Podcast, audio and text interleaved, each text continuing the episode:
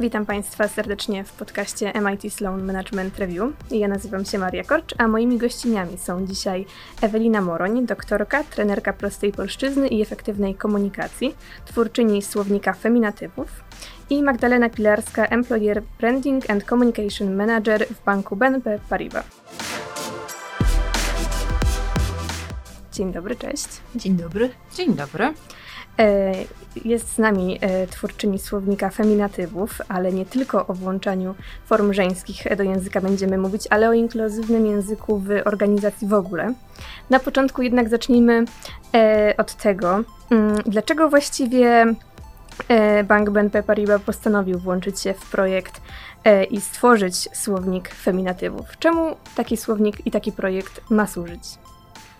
Kobiety w ogóle zostały przez bank zauważone jako część społeczeństwa, która wymaga pewnego rodzaju wzmocnienia. E, I tutaj myślę o takim wzmocnieniu na poziomie zauważenia kobiet i w biznesie, i w różnych grupach społecznych, i też w realizacjach, do których są zaangażowane. I my to robimy na bardzo różne sposoby, wspierając kobiety w ich rozwoju zawodowym, um, zauważając kobiety w ogóle i wspierając ich widoczność w różnych aspektach biznesu. No i myślę, że jedną z takich, e, jedną z takich realizacji jest właśnie kampania o feminatywach, która wprost odpowiada na taką potrzebę zauważenia kobiet, nie tylko ich sprawczości, takiej autonomii w działaniu, ale tego, że one dokładnie w taki sam sposób mogą wykonywać pewne profesje jak mężczyźni. E, na równych prawach i, i, i, i w równy sposób, być włączone do tworzenia organizacji. E, I, I tutaj może postawię taką kropeczkę. I oddamy głos Ewelinie, żeby mogła ze swojej bardziej językowej i polonistycznej perspektywy opowiedzieć nam o założeniach powstania słownika. Słownik, y, tak jak mówiła Magda, y, powstał właśnie po to, żeby uwidocznić y, rolę kobiet, rolę kobiet jako pracownic, rolę kobiet w innych swoich też rolach społecznych. Ja wzięłam w nim udział na zaproszenie banku i bardzo jestem za, za to zaproszenie wdzięczna. E, a moja motywacja wynikała w sumie z trzech takich czynników. E, jednym jest czynnik e, subiektywny, osobisty. Bardzo lubię feminatywy. Kiedy jeszcze pracowałam na uniwersytecie, doktorka mierzyła się z różnym przyjęciem, także przez studentów i przez studentki, którym trudno było czasami. Do polonistyka przyszli, przyszli adepci, przyszły adeptki filologii polskiej. No, mogą ze słowem radzić sobie ciut lepiej niż, e, niż powiedzmy reszta społeczeństwa, ale trudno było przestawić się z tej formy tak zwanej generycznej, e, uproszczę, w rodzaju męskim na, e, na rzeczownik w rodzaju żeńskim, czyli właśnie, właśnie feminatyw doktorka. Bardzo lubię go używać, lubię, kiedy kobiety posługują się żeńskimi formami. Druga motywacja wynikała z tego, że mamy kilka stereotypów i nienaukowych, niejęzykoznawczych tak przylepków, które przylgnęły do feminatywów, ponieważ w Polsce e, cała ta dyskusja o feminatywach e, jest z jednej strony językowa, z drugiej strony światopoglądowa. I ten słownik jest dobrą okazją do tego, żeby przypomnieć, że feminatywy to nie jest nowomowa, że i w słowniku e, polszczyzny XVI wieku znajdziemy formy, e, formy żeńskie, e, że mm, to, że dla kogoś feminatyw brzmi śmiesznie, argument, z którym trudno jest polemizować, ale trochę jest związany ze um, społeczno-polityczno-kulturową rolą czy rolami kobiet, jaką, e, jakie w Polsce wypełniamy. E, no i też e, także to, że mamy histor historię rozwoju feminatywów w Polsce w bardzo nierównym stopniu posuwającą się. Księgowa nie brzmi dziwnie, nauczycielka nie brzmi dziwnie, piosenkarka nie brzmi dziwnie, niektórym czasem tak, ale generalnie nie, nie ma co do tego zdziwienia y, i, i wątpliwości. Prezeska, profesorka, doktorka, adwokatka, radczyni prawna brzmią niektórym dziwnie, no i tutaj wracamy do argumentu drugiego, czasami śmiesznie. Ja bym jeszcze może do po, poprzedniej kwestii dodała taką, taki istotny element, który wydaje mi się, że słownik też powstał po to, żebyśmy mogli w formie takiej i edukacyjnej, i po prostu dać ludziom możliwość znalezienia poprawnej formę danego, danego słowa i odpowiedniego feminatywu, bo to jest wciąż jeszcze takie wyzwanie, nie? że nawet jeśli chcemy, to mamy kłopot z tym, żeby poprawnie odmienić dane słowo albo faktycznie w dobry sposób użyć, e, użyć feminatywów. Więc myślę, że to jest też taka dosyć ogromna wartość, że w jednym miejscu mamy sprawdzoną dawkę właściwej wiedzy. No tak, bo cały problem i kontrowersja z feminatywami e, rozbija się często o to, że coś nam brzmi dziwnie, czy nie wiemy, jak sobie językowo poradzić e, z odmianą. E, no i faktycznie ten problem jest przez słownik rozwiązywany. Ale chciałabym zapytać, bo wspominałyście o ważnym kontekście społecznym i kulturowym, jakim, e, z jakim wiąże się popularyzacja feminatywów. Z jakimi reakcjami spotkałyście się e, po opublikowaniu słownika? Już trochę Ewelina o tym powiedziała, y, że, śmie że śmiesznie, że nowomowa, że mm, po co, to jakiś wymysł nowoczesności y, i, po co w ogóle to robić. E, natomiast tutaj pewnie mm, Ewelina będzie mogła o tym powiedzieć więcej, natomiast już ileś set lat temu w książkach i jakichś opracowaniach naukowych znajdujemy te feminatywy, więc trudno się odnosić do, do tych komentarzy, które mówią o tym, że, że, że to jakiś nowoczesny wymysł. Jedyny taki element związany z tą nowoczesnością, który mnie się wydaje czymś takim, co, co ja podłapuję, to jest ten element związany z tym, okej, okay, żyjemy w bardzo zmieniających się czasach i musimy za tymi zmieniającymi się czasami nadążać. I to jest dla mnie argument e, w kontekście różnych zmian, zachowań, postaw i takiej świadomości tego, język kształtuje naszą rzeczywistość. Kropka. To jest fakt. Kropka. I możemy z tym dyskutować i możemy poddawać to, nie wiem, polemice, dyskusji, dialogowi, czemukolwiek, ale to jest fakt. Mhm. Magda powiedziała o takim efekcie językowego motyla, który w językoznawstwie nazywa się hipotezą Safira Worfa i jest taką bardzo skrajną, e, skrajnym sposobem połączenia rzeczywistości pozajęzykowej i języka, deter, rodzajem determinizmu językowego. E, I chociaż niektórzy odchodzą od aż e, takiego, e, no niektórzy przeceniania roli języka, to rzeczywiście jest tak, że te nowe formy, formy często prestiżowe feminatywów budziły w słowniku przez nieosłuchanie, przez tak zwane niskie obciążenie frekwencyjne, no, budziły mm, zaskoczenie, zaskoczenie takie mm, z pewną nutką lekceważenia, E, ale też były reakcje bardzo pozytywne. Te rezultaty i efekty też przyjęcia i odbioru i kampanii, i takiego rozpoczęcia dialogu, myślę, takiego trochę społecznego i, i zachęcania do dyskusji na ten temat i zauważenia w ogóle tego tematu, Myślę, że też widać e, w internecie po prostu. Nasz słownik to jest jeden z dobrych, myślę, przykładów. Zaczynaliśmy od 400 słów. Kolejne ponad 700 w tej chwili zgłosili sami użytkownicy. E, to świadczy o tym, jak wiele osób miało też problem ze znalezieniem właśnie tej poprawnej formy feminatywu. E, w akcję zaangażowało się też wiele osób, co było, myślę, dla nas dużym zaskoczeniem i taką niespodzianką kontekście dużej świadomości, jak działa biznes i marketing. E, wielu influencerek które zaangażowaliśmy, udało się zaangażować do, do współpracy e, zupełnie dobrowolnie. E, to też pomogło wygenerować nam dużo większe zasięgi i, i, i dotrzeć z tą informacją taką edukacyjną i przekazową do, do, do większej ilości osób. Dużym zainteresowaniem cieszy się też nasz wciąż funkcjonujący hashtag Wspieram Feminatywy, który jest częścią... Widzę go też na bluzie Eweliny. Tak, którą tak. w ogóle kojarzy swoją drogą z sieci, więc tak, po, po, mhm. polecam każdemu wpisać sobie ten hashtag na LinkedInie na przykład yy, i, zobaczyć, jak dużo osób nie tylko z banku zaangażowało się yy, w nawet takie swoje własne przemyślenia na temat tego tematu, co też było ciekawe e, i e, na szczęście zazwyczaj one są wspierające i, i utożsamiające się z tym, e, co w tym przekazie jest. Natomiast bardzo szybko podłapały to też kolejne osoby z innych organizacji, czy nawet nie organizacji, w sensie nie tylko biznesu, co też pokazuje, że, mm, że, że to zainteresowanie jest i faktycznie udało się tą uważność i może jakąś taką wrażliwość na ten temat poruszyć. Chciałabym wrócić do tego wątku historii feminatywów, które już mieliśmy w języku polskim, później coś się stało, że one z niego zniknęły, no a teraz um, staramy się, by je przywrócić. Ewelino, ty jesteś specjalistką e, od języka polskiego, więc nakreśl nam proszę w paru słowach tą historię.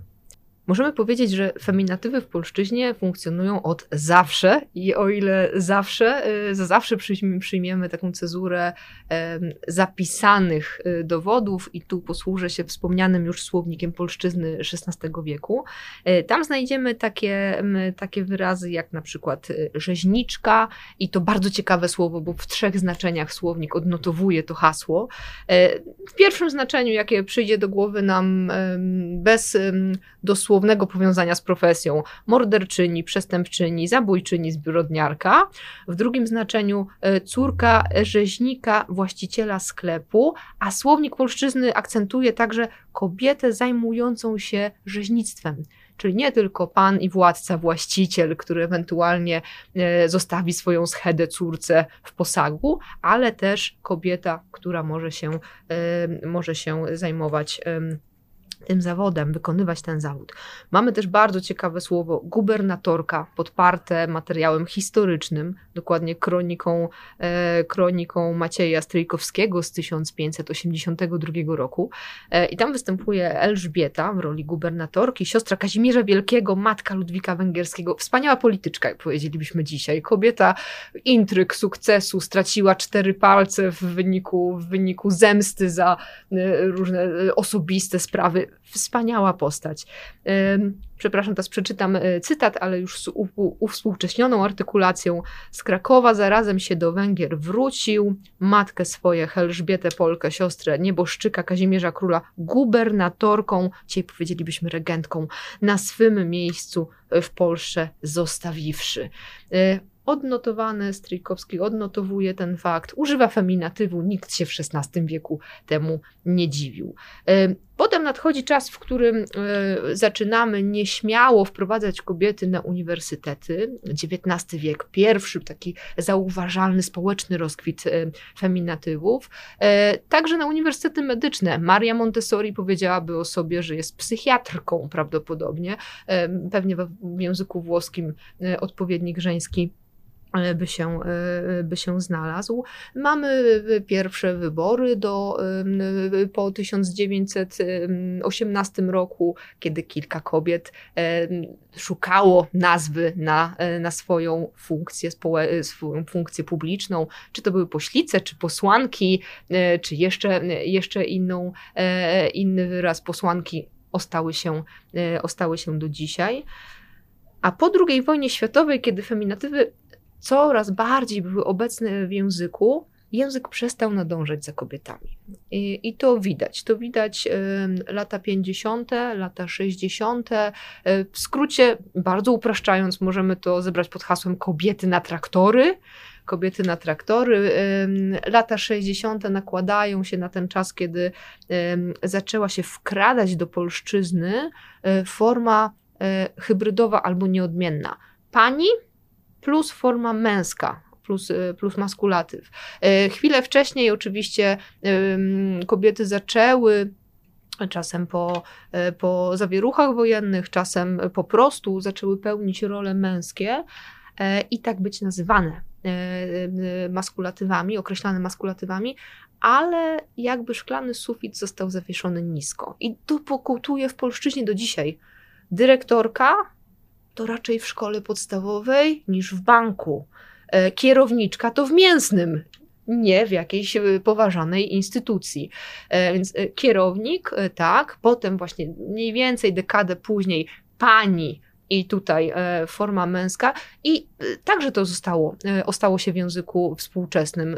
Część kobiet mówi, że mm, używa tego argumentu właśnie z profesjonalizacji tego, co robi.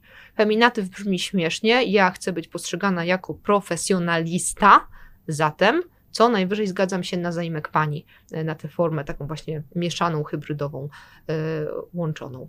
No i obecnie w Polsce też mniej więcej od dekady, e, też mniej więcej od dekady w 2012 roku Rada Języka Polskiego wydała chyba pierwszą opinię od bardzo dawna, przynajmniej taką kojarzę, na temat feminatywów. Delikatnie skorygowała swój kurs w 2019 roku. Joanna Mucha, tutaj wspomniana ministra, miała trochę w tym swój udział słowotwórczo powinna być ministerką. Zadeklarowała się jako ministra i mam wrażenie, że ten feminatyw wygrywa w liczbach i, i w wystąpieniach, e, ale ruczyło. Dorota Warakomska, 2019, używa słowa gościni i to słowo zagościło, e, się rozgościło się, się w języku.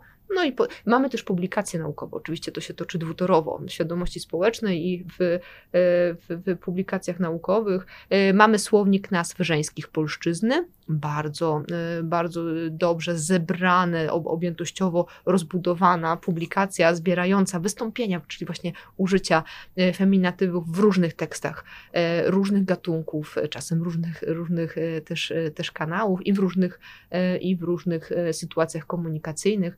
Mamy Mamy publikację pani, pani profesorki Jolanty Szpyry-Kozłowskiej, ale rzeczywiście w ciągu ostatnich dwóch, trzech lat temat przyspiesza. No i tak próbuję, próbuję w, właśnie w dyskursie publicznym uczestniczyć. I tym samym wracamy do tego, co wcześniej powiedziała już Magda, e, czyli e, do tego, że język e, wpływa na rzeczywistość i jest to fakt, który musimy e, uznać. Więc chciałabym Was zapytać, jak w takim razie język używany w firmie może wpływać na jej kulturę organizacyjną? E, no to tak, to fakt już mamy za sobą. Nie będę go już powtarzać.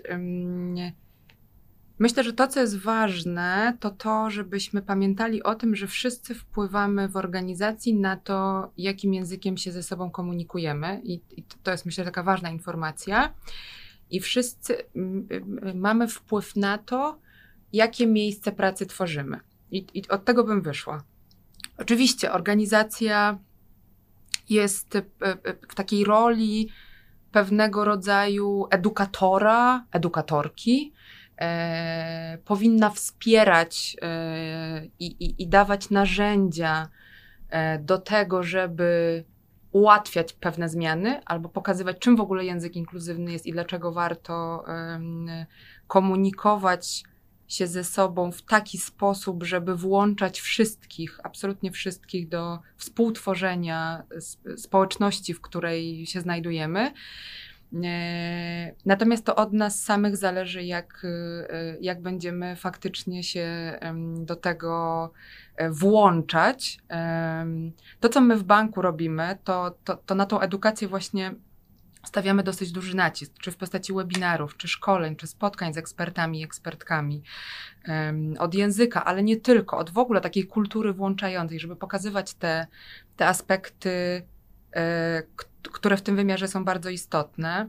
E, dajemy też przykład, myślę. Mówię tutaj o, bardziej już nie o sobie, jak, jak, jako ja, Magda, chociaż też staram się każdego dnia być uważny na to, jak zaczynam swojego maila i jak go kończę i do kogo go kieruję, żeby. A, a, zdarza mi się czasami popełniać te błędy albo nie myśleć o tym. Wiem, że to nie jest też takie łatwe i w tej takiej bardzo dużej dynamice pracy, też którą, którą my mamy na co dzień, czasami te rzeczy umykają, ale można sobie o nich albo przypomnieć, albo po prostu włączyć sobie gdzieś jakąś taką, jakiś taki guzik uważności w głowie. Ja na przykład ostatnio nauczyłam się y, y, pisać maile, zwłaszcza jeśli one są do takiego szerokiego grona, a czasami mi się to zdarza, e, które zaczynam jednak drodzy i drogie. I, e, i, i naprawdę można, to są takie małe zabiegi, które mm, tutaj y, wrócę do jednego z haseł kampanii Wystarczy słowo, żeby zacząć zmianę. No i faktycznie tak jest. Ja też w organizacji jestem dosyć blisko e, takich tematów związanych z włączaniem osób z grup mniejszościowych, które są w naszym kraju z różnych powodów narażone na dyskryminację ze względu na jakąś cechę. Czy to jest płeć, czy to jest wiek, czy to jest orientacja seksualna, czy tożsamość płciowa, czy e, poziom sprawności, czy narodowość, i mogłabym tak wymieniać i wymieniać. E, I, i, I to też teraz akurat jesteśmy w takim momencie pracy nad, odbiegnę na chwilę od feminatywów samych w sobie, ale wydaje mi się, że w kontekście tej kultury języka włączającego to jest bardzo istotne i to jest taki fajny, wydaje mi się, przykład e, na, na, na tą potrzebę. Pracujemy teraz w organizacji nad takim dokumentem, przewodnikiem, którym będzie, mm, e, e, którego zadaniem będzie pomóc pracownikom i pracowniczkom, które na co dzień pracują z klientem w różnych formułach, czy w formie telefonicznej, czy osobistej, czy mailowej jak obsługiwać osoby nieheteronormatywne, żeby nie dyskryminować. I tutaj duży nacisk położyliśmy na osoby transpłciowe. Są też skomplikowane ze względu na prawodawstwo, bo... Tak, na pewno tego nie ułatwia. E, natomiast nic nie stoi na przeszkodzie, żeby w systemie E, odnotować odpowiednią notatkę związaną z tym e, klient, klientka poprosił, poprosiła, e, żeby zwracać się do, niej, do niego w taki, a nie inny sposób i po prostu szanować to. I ja też zawsze w, w, w tego typu sytuacjach polecam, żeby zapytać osobę, jak chcesz, żeby się do ciebie zwracać. To jest tak, to, to, jest tak szalenie proste, jest super w porządku, żeby zadać to pytanie, nie jest dla nikogo ani obrażające, ani uwłaczające, ani nie jest absolutnie niczym złym, a naprawdę otwiera drogę do bardzo włączającej, otwartej i takiej równej komunikacji. Czy mogę się w takim razie pokusić o taką tezę? Skorygujcie mnie, jeśli jest ona zbyt daleko idąca, że nie ma inkluzywnej organizacji bez inkluzywnego języka? Nie ma, kropka. Nie ma, kropka. No dobrze, to jak to mamy już ustalone, e, przejdźmy do wdrażania tego inkluzywnego języka. Co zrobić, by kształtować taką formę komunikacji w firmie, która będzie włączać wszystkich, e, niezależnie od płci i niezależnie od tego, do jakiej mniejszości e, czy też nie przynależą? Magda o tym trochę powiedziała. Wydaje mi się, że możemy podążyć za definicją języka inkluzywnego, włączającego, E, odpowiedzialnego, ma wiele różnych, różnych przymiotów, ale jednym z nich jest także e, język, który szanuje. Język, który akcentuje i zauważa różnorodność, zapobiega dyskryminacji, ale też e, nie tylko afirmuje, po prostu dostrzega i, i włącza. Więc pytanie o to, jak się do ciebie zwracać, czy do pana, pani zwracać, pytanie, jakich i kiedy końcówek rodzajowych, tych tak zwanych końcówek fleksyjnych y, używać, y, pewnie jest dobrym punktem wyjścia. Y, język nie należy do lingwistów, język nie należy ani do specjalistów, ani tak naprawdę do jednostek, które się nim posługują. My go wytwarzamy jako, jako wspólne dziedzictwo, system, ale wspólne w znaczeniu społeczne. I kiedy, kiedy zauważymy, że jest potrzeba zmiany, tylko trzeba ją zauważyć, wtedy język za tym, myślę, podąży pojawiają się przy pytaniu, jak o, o, sposób y, wdrażania, pojawiają się czasem takie wątpliwości, czy to nie będzie nieczytelne. Są zjawiska językowe, na przykład prosty język, y, które pospieszą z pomocą i ze szczegółowymi zasadami, jak zrobić, żeby mm, posługiwać się językiem włączającym, albo kiedy położyć na niego e, akcent, e, a kiedy zrezygnować właśnie dla czytelności komunikatu. Natomiast to, o czym mówiła Magda, punktem wyjścia jest zapytanie, czy chcesz, albo jak chcesz, jak potrzebujesz. I mamy w języku kilka przykładów, w języku ogólnym, nie tylko w języku organizacji.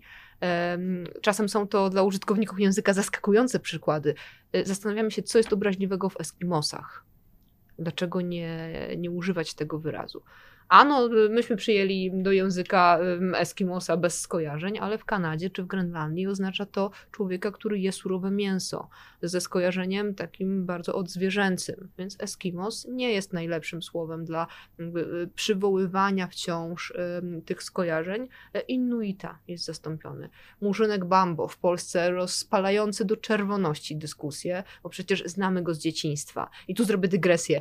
E, słowa, które są nam bliskie przez socjalizację pierwotną. Bajki, baśnie, piosenki, przez teksty tak zwane kliszowate, e, przysłowia, różne aklamacje religijne, sakralne, używane, używane od zawsze w niezmienionej, w niezmienionej formie. E, teksty związków frazologicznych, w ogóle związki frazologiczne, dowcipy o blondynkach na przykład są takie niewinne, prawda? Bardzo, bardzo niewinne, ale utrwalają nam jakieś skojarzenia, szerszy obraz świata. No i murzynek zapożyczony do polszczyzny przez język czeski, oznaczający po prostu Maurów, osoby o, znaczy o źródłosłowie Maurowie, osoby o ciemniejszym kolorze skóry, wydawać by się mogło nieobraźliwe ale mamy dowody ilościowe. Jeśli ktoś jest z Państwa ciekawy, to bardzo polecam doktorat y, y, doktorki Margarety Ochinowak. E, pokazują, że sami użytkownicy sobie nie życzą. Mogą między sobą.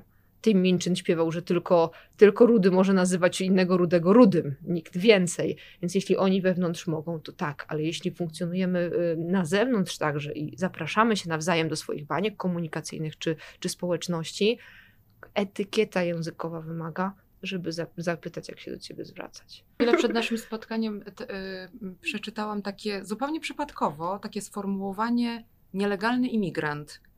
I pomijając to, że ono jest niepoprawne, to jest tak potwornie stygmatyzujące, y, zwłaszcza w tej takiej, pomyślałam sobie oczywiście o tym całym tle związanym z osobami uchodźczymi, tym, co się po prostu dzieje w tym temacie. I to jest właśnie jeden pewnie z tych tysiąca przykładów, które Ewelina mogłaby tutaj przytaczać i przytaczać.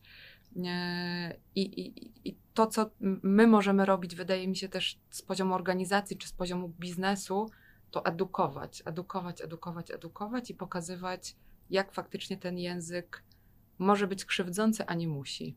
I dawać wybór. Na przykład w banku BNP Paribas y, wraz z zespołem y, HR-owym opracowaliśmy dwie listy dotyczące nazw stanowisk. Jedna ta zastana wymagała tylko delikatnej korekty, uporządkowania alfabetycznego e, i dostosowania nazw e, ze staropolszczyzny wziętych, różnych dotyczących zwłaszcza procesów agile'owych.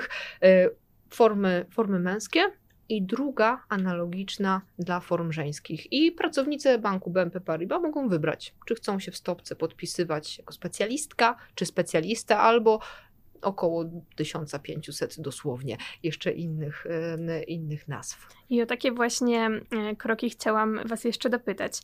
Pierwsza sprawa, wytyczne co do nas w stanowisk, które pozostawiają swobodę. I tak w takim bardzo e, biznesowym środowisku chciałabym, żebyśmy się osadziły e, i zastanowiły, co jeszcze, co dalej.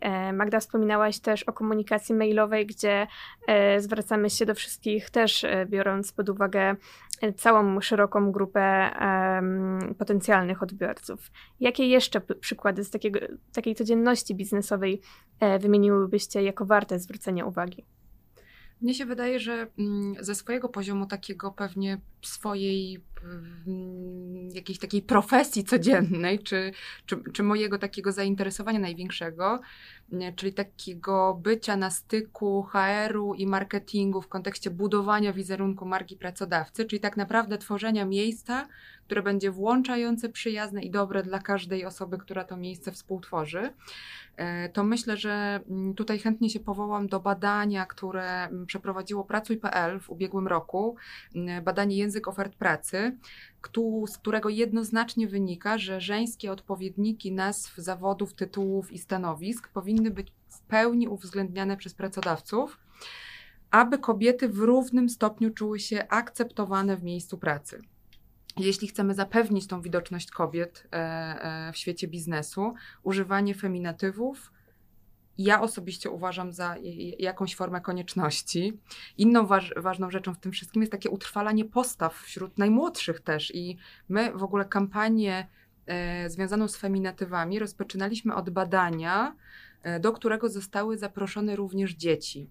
I tam wprost e, badanie wykazało, że ta zmiana języka i sposobu, w jaki mówimy o przedstawicielach określonych zawodów, zmienia dziecięce postrzeganie. Gwałtownie i istotnie rośnie akceptacja faktu, e, że w danej profesji może również spełniać się kobieta. Czyli gdy zamiast o naukowcu e, mówimy o osobie, która zajmuje się nauką, widzimy dwukrotny wzrost udziału kobiet jako przedstawicielek tych profesji rysowanych przez dzieci.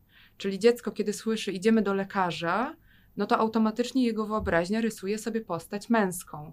Jeśli mówimy, idziemy do e, osoby, która zajmuje się nauką, dziecko automatycznie zaczyna szukać innych wzorców płci też, nie? I, i, i jest to dla niego, bardziej na, dla niego bardziej naturalne. Dzieci jak zwykle działają dla nas dorosłych trochę jak taki papierek lakmusowy, który pokazuje nam um, wiele o, o, naszym społeczeństwie, ale właśnie e, wasze badanie uważam e, za niesamowicie ciekawe i jestem e, Chciałabym zapytać, e, co z wniosków, które z niego wypłynęły, dla Was było najbardziej szokujące, oprócz tego e, dotyczącego właśnie reakcji dzieci? Dla mnie to było badanie weryfikujące inne badania y, językowe, czy też szerzej językoznawcze. Y, jest takie badanie już wspomnianej pani profesorki y, Jolanty Szpyry-Kozłowskiej z 2012 roku, opisane w artykule, który zaczyna się od omów to z kolegą. Bardzo długi tytuł, ale do znalezienia właśnie pod, pod tą frazą. I pani, pani profesorka wykazała albo po prostu zebrała wyniki, które E, mówią o języku podręczników szkolnych. I to jest kontekst ciut starszych dzieci niż tych, które wzięły udział w, w naszym badaniu. E, ale na przykład, jeśli, jeśli dzieci są, i użyję tego słowa z pełną premedytacją, narażone na taką ekspozycję rodzaju, znowu upraszczając męskiego, omów to z kolegą, czego dowiedziałeś się z wiersza. Dla archeologów każde znalezisko jest, jest cenne, to dziewczynki mają gorzej. Dziewczynki mają gorzej, 12 i 13-latkowie i 12-13-latki e, w ponad połowie stwierdzają, że to jest tylko do uczniów, chłopców, że nie do nich. I my się szybko adaptujemy, adaptujemy do, do takich form. Ta forma staje się przeźroczysta. Właśnie to badanie e, pokazuje, że jest czas. Jest czas. Dla młodszych dzieci jest jeszcze czas i jest potrzeba. To chyba było dla mnie najważniejsze, że, że no, trzeba pokazywać. Mój dwójpółletni syn, znaczy już teraz czteroletni, kiedy miał dwa i pół roku, mówił, że dziewczynki są kierowczyniami. Ta forma była dla niego dwójpółlatek. Forma była naturalna. Teraz ma mhm. cztery lata, naoglądał się psiego patrolu stacyjkowa i boła budowniczego i pani burmistrz już jest panią burmistrz, nie ma burmistrzyni i już nie będzie, bo tak się nasłuchał formy tej hybrydowej męskiej, że to już jest dla niego osłuchana, naturalna forma. Więc to badanie pokazuje, że jest czas, ale wcale nie jest aż tak długi. I to też Ewelina o tym mówiła wcześniej. Dla mnie poruszającym też e, takim wątkiem i, wnioskiem z tego badania jest fakt związany z tym, że dziewczynki, czytając, słysząc e, formę stanowisk, wyższych stanowisk, tylko i wyłącznie w formie, w formie męskiej, kompletnie ich ze sobą nie utożsamiają, co pokazuje tym bardziej no taki bardzo przerażający fakt w kontekście, mm, w kontekście tej sprawczości nawet takiej kobiecej. I tu bym mogła pewnie wrócić do początku tej rozmowy, dlaczego uważamy, że warto to wspierać. A czy były jakieś e, feminatywy, które być może w badaniu, być może w procesie publikacji słownika mm, były mniej naturalne dla odbiorców? Wydawały się jakieś takie dziwaczne, jak z tą ministrą, które szczególnie trudno przychodzą nam, żeby zaadoptować je do języka? Były dwa, na które nie poważyłam się, w sumie już trzy, na które nie poważyłam się e, przedstawić feminatywu. Znaczy maskulatyw traktowaliśmy jako formę wyjściową. Mm, językoznawcy pozostają w sporze, czy to dobrze, czy nie, ale tak, taką przyjęliśmy e, zasadę. Dla trzech form nie znalazłam odpowiednika, bo nie byłam pewna. Mhm. Ksiądz, boj hotelowy i sędzia. I y, każdy z nich z różnych powodów był, okay. pozostał białą, y, białą, białą przestrzenią przed kreską definicyjną. Y, boj hotelowy, dlatego że tam musimy wziąć pod uwagę jeszcze słowotwórstwo angielskie, to jak się to słowo zachowuje i że już nie jest w top 100 najczęściej używanych słów w polszczyźnie. E, więc znowu mamy przykłady na, na różne rozwiązania. Mamy sportsmenkę, ale bizneswoman jako feminatyw analogicznych form. E, to jest chyba też bardzo ciekawe właśnie w kontekście biznesowym, gdzie niezwykle wiele słów zapożyczyliśmy z języka angielskiego i nazw stanowisk, na przykład menadżer, menadżerka, menadżera. Tak, właśnie walczy frekwencyjnie o to, czy menadżer przez A, czy menedżer mhm. przez E. e. Co do G już się tak coraz śmielej zgadzamy. Racja, racja. E, ksiądz, dlatego że no, sytuacja, powiedzmy, z, jest specyficzna ten... dla zawodu. Dla zawodu, o tak, właśnie. Taka kanoniczna sytuacja pewnie się Mhm. nie zmieni, nie zmieni. Natomiast z, sędziną przypadek jest najbardziej złożony i też językoznawcy pozostają w sporze, e, a słowniki nam nie pomagają. E, sędzina w znaczeniu żona sędziego w większości słowników języka polskiego oznacza e, przestarzałą formę. Dawną formę, nieaktualną formę. E, Z drugiej strony, sędzina w znaczeniu kobieta zajmująca, wykonująca zawód sędziego e, ma przypis, taki adnotacje potoczne. Albo Mhm. jak pan profesor Mirosław Bańko e, dodaje w swoim słowniku, innym słowniku języka polskiego, nieco potoczne. Są też same użytkowniczki, których głos jest decydujący. Cokolwiek byśmy tutaj zdecydowali, jakkolwiek ta dyskusja by się toczyła, użytkowniczki prawdopodobnie w Polsce nie będą życzyły sobie być sędzinami, bo Wysoki Sąd to instytucja, instancja, e, która ma znaczący wpływ na, na rzeczywistość. Zobaczymy, zobaczymy. Nie wiem, w jaką stronę to pójdzie. Nie robiłam jeszcze badań ilościowych, przymierzam się do nich, e, bo w przypadku sędziny no, jest to bardzo ciekawe. Mhm. Omówiłyśmy bardzo szeroko feminatywy, ale chciałabym jeszcze zapytać Was o inne grupy społeczne, które nie mają swojej reprezentacji w języku i jak im te reprezentacje zapewnić. I tutaj ponownie bardzo interesuje mnie kontekst e, kultury organizacyjnej, więc e, może zacznę od Ciebie, Magda. E, Jak, jak jakie grupy wyróżniliście w BNP Paribas, jeśli chodzi o takie niedoreprezentowanie? E, To, to ja może zacznę od tego, że faktycznie my definiujemy też w banku ten język jako taki element em, budujący przynależność e, do organizacji. Więc, więc myślę, że świadomość tego już w pewnym sensie kształtuje pewne zachowania i pewne jakieś nasze własne wzorce, które chcemy, m, którymi chcemy zarażać społeczność naszych pracowników. No i mm, w kontekście grup, które jakoś szczególnie chcemy zaopiekować, no to to są faktycznie te, które z różnych powodów są szczególnie narażone na wykluczenie, bo sytuacja mm, polityczna, społeczna, jakaś narracja nie wspiera, y, y, nie wspiera tych grup, albo wręcz tylko y, gdzieś tam buduje te uprzedzenia, albo je tylko wzmacnia cały czas. I ten poziom dyskryminacji wzrasta. Ja pamiętam w zeszłym roku zostało opublikowane, zresztą rok rocznie jest publikowane takie badanie mm, e, stowarzy- na- największego międzynarodowego stowarzyszenia, które działa na rzecz społeczności LGBT+, ILGA Europe, e, które, no, w którym Polska y, ląduje na ostatnim miejscu w, w Unii Europejskiej, co jest przerażające, ale co jest bardzo ciekawe, E, siódmy raz z rzędu pierwsze miejsce zajmuje katolicka Malta. I tu postawię kropkę. E, to jest dla mnie taki idealny przykład em, dialogu i tego, że, e, że można, e, jak się chce. e, I nie muszą nas nasze różnice dzielić, a mogą nas łączyć, i fajnie byłoby w tym szukać tej, tych e, aspektów związanych z tym, co my z tej różnorodności mamy i, i uczyć się z tej różnorodności czerpać.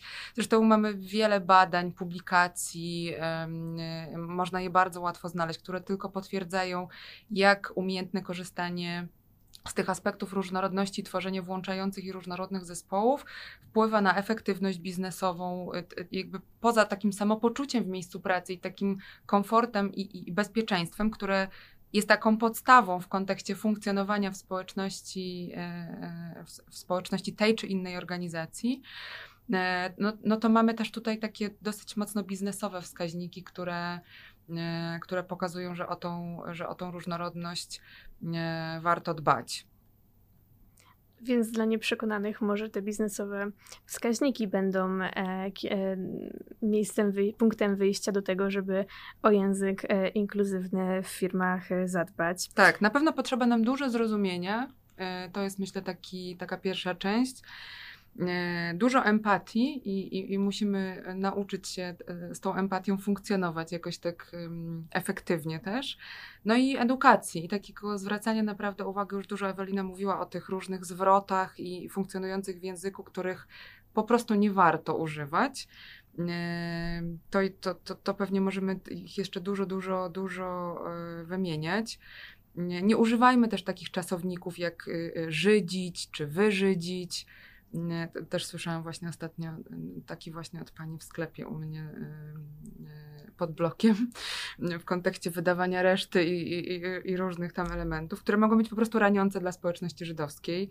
Nie używajmy słowa murzyn, o którym wspomniała już Ewelina, które niesie za sobą bardzo negatywne stereotypy.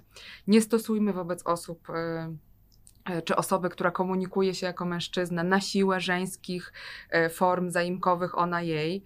E, pytajmy, pytajmy, pytajmy, pytajmy i starajmy się wspierać zwłaszcza tych, którzy są w jakiś szczególny sposób ze względu na sytuację e, taką społeczną narażeni na to, że, e, że mogą się po prostu nie czuć na równi włączeni do tworzenia społeczności, której są częścią. Jest też jeszcze taka strategia językowa, proszę wybaczyć moją staropolszczyznę, e, people first language. E, osobotywy, osobotywy, tak, jak e, przeczytałam, to spróbujemy spolszczyć ten, ten sposób komunikacji. Osoba jaka, imię, słów przymiotnikowy, przymiotnik, albo osoba z. I tu naj, chyba najbardziej nam znanym i już osłuchanym na szczęście przykładem jest osoba z niepełnosprawnością. Mieliśmy kaleki, mieliśmy inwalidów, mieliśmy e, upośledzonych, potem mieliśmy osoby niepełnosprawne, ale w, tym wyrażeniu, w takim kształcie, w takim brzmieniu, to był główny składnik tożsamości. Osoba z niepełnosprawnością może się definiować przez, też przez wiele innych e, kryteriów, cech, e, co tylko przyjmiemy za, za, za punkt wyjścia do budowania tożsamości. I też jest to przykład na oddanie szacunku w języku. Tak, mnie się podoba, jak, jak ten język też zauważa e, cały czas kolejne aspekty, nie autystyk, tylko osoba neuroróżnorodna. Wiecie, możemy na, naprawdę dużo, dużo, dużo o tym. E... Głuchy zamiast głuchoniemy. Tak, dokładnie. Mhm. I, i, I fajnie, że przynajmniej te organizacje, które są świadome i, i, i, i ta idea, czy ten taki aspekt związany z diversity and inclusion jest dla nich ważny, no to nie da się takiej organizacji budować bez tego elementu związanego z językiem włączającym. To jeszcze na koniec e, ponowię, chyba już trzeci raz to pytanie, ale bardzo mi zależy, żeby e, ono wyraźnie wybrzmiało, żebyśmy usystematyzowały sobie sposoby na kształtowanie inkluzywnego języka w firmie. E, czyli zastanawiamy się, czy na przykład dobrze robić to osobistym przykładem liderów, czy dobrze robić to na przykład dokumentami regulującymi dobre praktyki, z jakimi sposobami w firmach się spotykacie. Ja myślę, że to w dużej mierze zależy od tego, każda organizacja jest pewnie świadoma albo być powinna, jakie kanały komunikacji czy jakie narzędzia sprawdzają się w, w, jej grupie społecznej i w jej grupie pracowniczej najlepiej. My wiemy, jakie działają u nas i w jaki sposób my możemy i chcemy naszymi narzędziami dostępnymi angażować e, pracowników. I staramy się to robić w taki sposób, żeby przekazywać tę wiedzę, nawet tą wiedzę edukacyjną w taki sposób, który jest e, nie wiem, preferowany przez osoby, które, e, e, które pracują w banku, takimi kanałami, które są łatwo konsumowalne. Czy to jest poprawne, Ewelina? A czemuż nie? E, więc myślę, że dobrze mieć taką świadomość tego, jaką my mamy rzeczywistość, co, ma, co mamy dostępne i myślę, że ważne jest też to, żeby nie narzucać niczego, nie przekonywać nikogo do tego, że e, świat jest jednak w innym kolorze niż tobie się dotychczas wydawało. To nie prowadzi donikąd. My też mamy taką, taką ideę, myślę, i takie podejście do tego, że wiele z inicjatyw i wiele projektów, w które się angażujemy, traktujemy trochę jako taki otwarty dialog do i podjęcie wyboru do. Możemy ci pokazać, drogi człowieku, droga osobo, różną perspektywę, natomiast finalnie decyzja należy do ciebie, jaką ty podejmiesz decyzję w kontekście tego, w jaki sposób współtworzysz z nami organizację. Faktem jest, i, i, i dla mnie osobiście jest to ważne, że no nie da się być zaangażowanym w życie organizacji, co do których wartości nie mam przekonania. I myślę, że to jest też taki no, no widoczny i wciąż utrzymujący się trend, chociaż nie lubię tego sformułowania, ale nie odnajduję teraz na szybko lepszego, który mówi o tym, żeby dbać o to, e, w procesach rekrutacji na przykład, żeby nie rekrutować na siłę, tylko faktycznie szukać tego linku na poziomie wartości z, z, z, osobą, z którą rozmawiamy, bo to jest niezwykle ważne i super na pewno będzie procentowało w kontekście późniejszych jakichkolwiek realizacji e, z tą osobą. No, no, no bo chyba tak już jest, że jak w coś nie wierzymy, no to, to nie wierzymy, nie uwierzymy nagle. Nie, to to, ta, ta droga powinna być taka bardzo naturalna dla każdego z nas. Y, I, I, w takim czasie, który jest dla nas dobry, odpowiedni, i, a nie tam, że ktoś każe, nie? I wszystko to realizuje się w języku. Y, ja mogę podać kilka przykładów y, mikro, ale bardzo konkretnych z drugiej strony, jak można język inkluzywny wprowadzić do tekstów wewnątrz organizacji i na zewnątrz w komunikacji z, z klientami. Na przykład można dobrać odwrócony czasownik. W przypadku feminatywów, o tym rozmawiałyśmy na początku, problematyczne rodzajowo może być, mogą być czasowniki w czasie przeszłym. Jeśli jesteśmy w bezpośrednim narracji, w bezpośrednim trybie komunikacji do klienta per ty, zrobiłeś, zrobiłaś. E, automatyzm językowy, przyzwyczajenie pozwoli nam wybrać formę zrobiłeś nieco częściej. Zrobiłeś, zrobiłaś, przekazałeś, przekazałaś, otrzymaliśmy od Ciebie. Inny czasownik pokazujący naszą perspektywę też pokazuje, że to zdanie jest informacyjne, informatywne, w tym sensie, że używamy czasownika osobowego, wiemy, co kto zrobił, e, ale nie mamy problemu z spersonalizowanym, są ładne, ładne staropolskie słowo, e, komunikatem. Najbardziej zaangażowaną formą, ale nie zawsze możliwą do przeprowadzenia, jeśli chodzi o zasoby, czas y, czy, czy systemy, byłoby właśnie personalizowanie komunikatów. I nie chodzi mi tylko o rodzaj e, gramatyczny. E, używanie tak zwanego splittingu, jeśli wiemy albo, e, albo chcemy, e, chcemy wiedzieć, że właśnie nasi klienci preferują taką formę. Punktem wyjścia byłoby w ogóle zrobienie takiego systemu, w którym pierwsze pytanie to nie imię i nazwisko, a zaraz potem adres i PESEL, tylko jak możemy się do Ciebie zwracać to by rozwiązało większość problemów na czatach, prawda, w komunikacji takiej, gdzie gołąb pocztowy dostarcza te wszystkie listy z banku i innych, innych instytucji. Wiemy, mamy odnotowane nie tylko notatkami takimi gdzieś, gdzieś e, przy okazji, ale w systemowym e, rozwiązaniu. Czasem strona bierna, chociaż bardzo jej nie lubię, bo ukryła wykonawcę czynności, też pomaga. Zamiast przyniosłeś dokumenty, dokumenty zostały przyniesione. Proszę wybaczyć miałkość mm przykładu, ale to mm, chodzi o to, żeby być uważnym w doborze form e, gramatycznych i samej leksyki, czyli, e, czyli, czyli słów. W przypadku, już ostatnie zdanie obiecuję, w przypadku takich, e, rozwiązań, takich tekstów, w których prawo nam trochę przeszkadza, chociaż też tutaj językoznawcy pozostają w sporze, czy to, że mówimy klient, pożyczkodawca i biorca, użytkownik karty, czy to wynika tylko z przyzwyczajeń językowych, tej generyczności, czy z tego, że ustawa, na przykład o kredycie konsumenckim, która wszystkim się śni po nocach, y, czy mm, musimy powielać zapisy ustawy, na tam tylko, znowu upraszczając, rodzaj męski. Y, my czasami y, będziemy z tego pewnie tak wychodzić, że damy na wstępie takie ostrzeżenie. Ostrzeżenie, wyjaśnienie, wytłumaczenie się. Wiemy, że piszemy też do kobiet, czyli do klientek. Nie chcemy używać słowa klientela, bo to tak ani to częste, ani, ani tak właśnie dobrze się kojarzące.